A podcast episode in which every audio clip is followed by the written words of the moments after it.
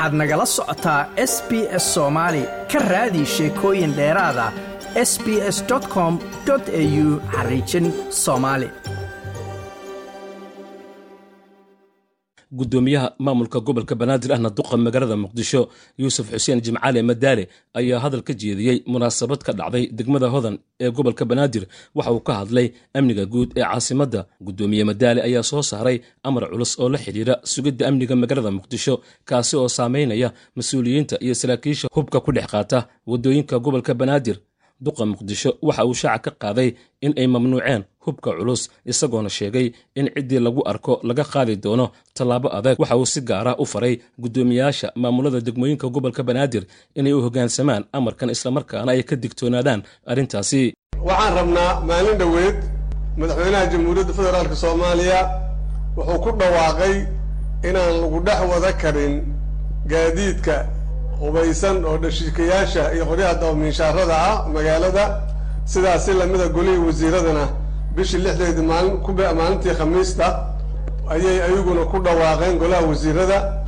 Annagoo taas tix raacayno ayaan waxaan leenahay gobolka banaadir magaalada muqdisho caasimadda soomaaliya laguma dhex wada karo baabuurta noocaas ah ee cabdibilayaasha ah ee dhashiikayaasha saaran yihiin ama qoryaha dabamiinshaarada lagu dhex wato ciidamada amniguna kolba waxa waaye waad aragteen baryahan aaday u soo taagan yihiin waxay diyaar u yihiin inay gacanta ku dhigaan ay qabtaan ayay diyaar u yihiin.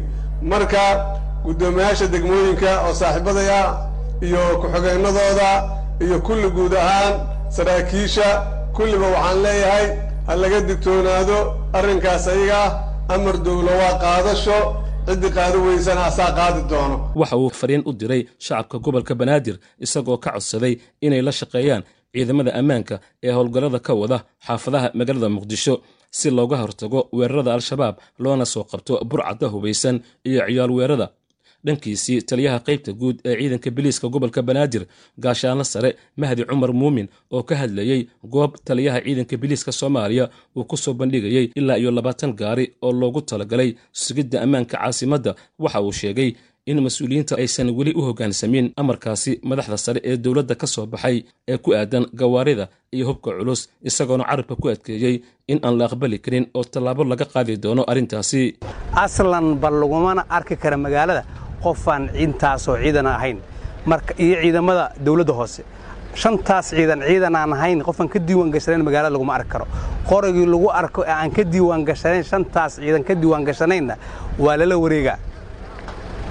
Waa ciidanka xoogga dalka soomaaliyeed ciidamada booliiska nabad sugidda asluubta iyo dawladda hoose. Qof shacaba oo qoray wata lama ogolo waa sharci darra.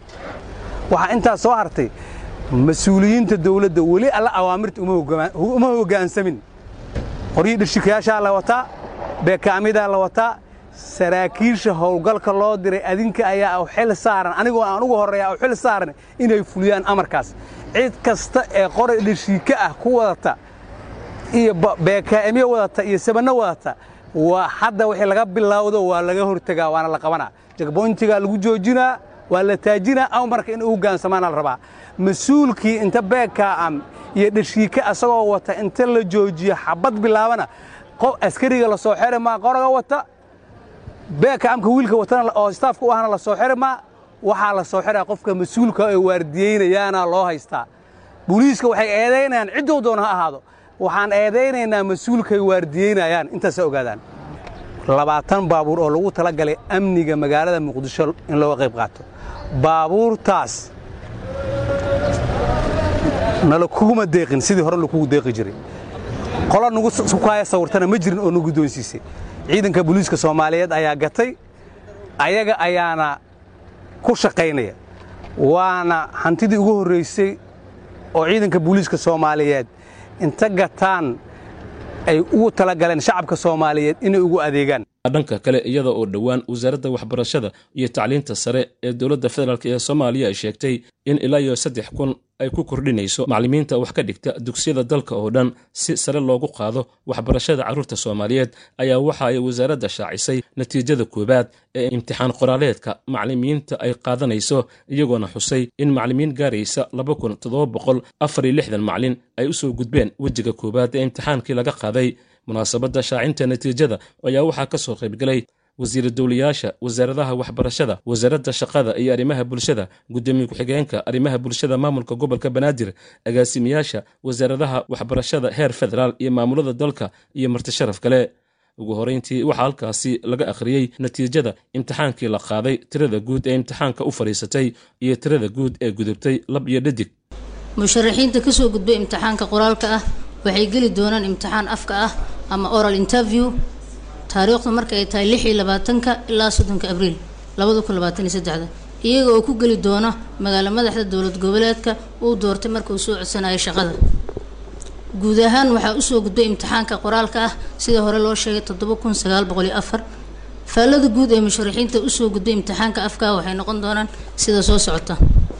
Tirada guud ee loo qorshay in imtixaanka u fariistaan waxay toddoba kun sagaal boqol iyo afar waxaa u fariistay imtixaanka qoraalka ah lab shan kun laba boqol labaatan iyo sideed dhadig sagaal boqol toban iyo labo waxaana imtixaanka qoraalka u fariistay lix kun boqol iyo konton. Waxaa tirada guud ee u soo gudubtay imtixaanka afka ah waa laba kun toddoba boqol lixdan iyo afar. Waxaa jiray musharaxiin watay shahaadooyin dalka dibaddiisa oo ay wasaaraddu ku howlanayd hubintooda balse ay daaday jawaabtooda. Wasaaradduna ay fursad u siisay inay galaan imtixaanka inta lagu hubinayo shahaadooyinkooda haddaba waxaa la baabi'iyey natiijooyinka musharaxiinta la xaqiijiyay in shahaadooyinkoodu aysan sax ahayn. Weli waxaa jira shahaadooyin jihadii ay khusiisay ayn ka soo jawaabin markii jawaabahooda aan helno saxsan ay sii socon doonto ciddii khaldana laga reebi doono dhammaan liiska musharaxiinta soo gudbay waxaa lagu faafin doonaa mareegaha wasaaradda waxbarashada dowlad goboleedyada iyo gobolka banaadir iyo wasaaradda waxbarashada federaalka. Guddoomiye ku-xigeenka arrimaha bulshada maamulka gobolka banaadir cabdulcasiis cismaan ayaa soo dhoweeyey tirada macallimiinta ee gobolka banaadir ka soo gudubtay. Waxaan aada ugu faraxsannahay haddaan nahay maamulka gobolka banaadir inay heshay tiro gaaraysa ay u soo gudubtay imtixaankii qoraalka amaritaanka ay u soo gudubtay kun iyo toban kun iyo toban macalin kunkaas tobankaas macalin ayna u soo gudbeen dugsiga sare boqol iyo lixdan iyo lix macalin. Dugsiga hoose dhexe u soo gudbay qeybta farsamada xanaanada tiro gaaraysa sideed boqol afartan iyo afar. Waxaan rajeyn doonaa insha allah imtixaanka labaad ama oralka ama afka ah. Kun iyo tobankan macalin u fadhiisan doono waxaan u rajeyn doonaa guul wasiira dowlaha wasaaradda waxbarashada xukuumadda soomaaliya xildhibaanad nuuro maxamed oo madasha ka hadashay ayaa waxa ay sheegtay ugu horreyntii marxaladaha iyo dadaalka lagu bixiyey sidii loo heli lahaa tirada saddexda kun ee macallimiin ee iminka la diyaariyey iyadoo baahidu ay intaasi ka badan tahay. Waxaa marka hore mahad iska leh allah subxaana wa tacaala ee nagu kaalmeeyey waddadan adeega badan ee aan qaadanay. Sida aada la socotaan waxaa jirtay boqol waddo kale oo ka fudud in saddexdan kun oo macalin aan ku qaybino kadibna aan ku shaqaalaysiino. Laakiin waxa aan qaadanaya waxay ahayd inaan u bandhigno dhallinyarada soomaaliyeed aan u bandhigno dadka daneeya in caruurteena soomaaliyeed ay wax baraan si ay uga soo baxaan tirada dadka soomaaliyeed ee u baahan in carruurta soomaaliyeed ay wax baraan. Waa runtii waa waddo adag waxa ay ahayd waddo qarjajeex badan laakiin waxa ay ku salaysneed cadaalad. Taas ayaana muhiim u ahayd ardayga soomaaliyeed ee u baahan maanta inuu helo waxbarasho tayaysan. Waxaa farxad gaara inoo ah. Maalinkaan qaadanaynay tallaabadaas iyo go'aankaas maalinkaan qaadanaynay in aan ku wada qaadanay si wada ogol ah. Annagoo ku midaysneen wasaaraddii waxbarashada heer federaal iyo heer maamul goboleed. Annagoo ka fiirinay baahida markaas taagan ee ah baahida macalimiinta xaqiiqatan tirada hadda saddexda kuna aan haysano waa ay ka yar tahay baahida aan u qabno macalimiinta soomaaliyeed gaar ahaan macalinka soomaaliyeed ee u diiwaan gashan dowladda soomaaliyeed. Wasiiraddu waxay sheegtay in ay jirto baahi oo loo baahan yahay macalimiin gaaraysa ilaa iyo boqol iyo labaatan kun oo macalin maadaama ku dhowaad afar milyan oo carruura aanay waxbarasho aadin. Sida aada la socotaan marar badanna lagu soo bandhigay madalaha iyo shirarka wasaaradda waxbarashadu ay qabanaysay ardaydeena soomaaliyeed waxay u baahan tahay boqol labaa boqol iyo labaatan kun oo macalin. Nasiib daro waxaa hadda bayroolka ku jirta ee dowladda federaalka wasaaradda maaliyadda sagaal boqol oo macalin. Micnaheedu waa fari kama qodna. Saddexdan kunna waxa ay furaysaa keliya ee dabooleysaa wax yar baahida caruurteena soomaaliyeed. Waxaa kaloo ayadana jirta ku dhawaad afar milyan caruurteena soomaaliyeed in ay ka maqan yihiin iskuuladii daruufo kala duwan waxaa dalkii ka saaray ka saaray waxbarashadii carruurta colaad. Waxaa ka saartay abaar. Waxaa ka saartay ogaansho daro. Intaba waxay u baahan yihiin in lagu soo celiyo iskuuladii si marka ardaydii loo soo celiyo waxaan u baahannahay macalin ka shaqeeya danta ardayga soomaaliyeed bixiya waxbarashada ku habboon ardaygaas soomaaliyeed. Si loo helo macalinkaasna waxaan u baahanay inaan u bandhigno dhammaan daneeyayaasha in ay noqdaan macalin in ay ka shaqeeyaan dowladda una shaqeeyaan dowladda dadkoodana u shaqeeyaan.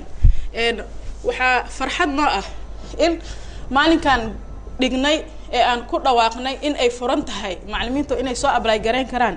Saddexdii kun ay soo ablay garaysay tiro ku dhow afar iyo toban kun. Taas waxay caddaynaysaa waxaa baahi badan loo qabaa in waddanka uu yeesho macalin waxaa baahi badan loo qabaa in waddanka ay ka shaqeeyaan dad dhalinyaro ah wax ku bartay dalka ama dibaddiisa wax ku soo bartay rabana inay caruurtooda soomaaliyeed ay gaarsiiyaan waxbarasho taya leh. Like aas la wadaag wax ka dheh lana soco barta facebooka ee sb s soomaali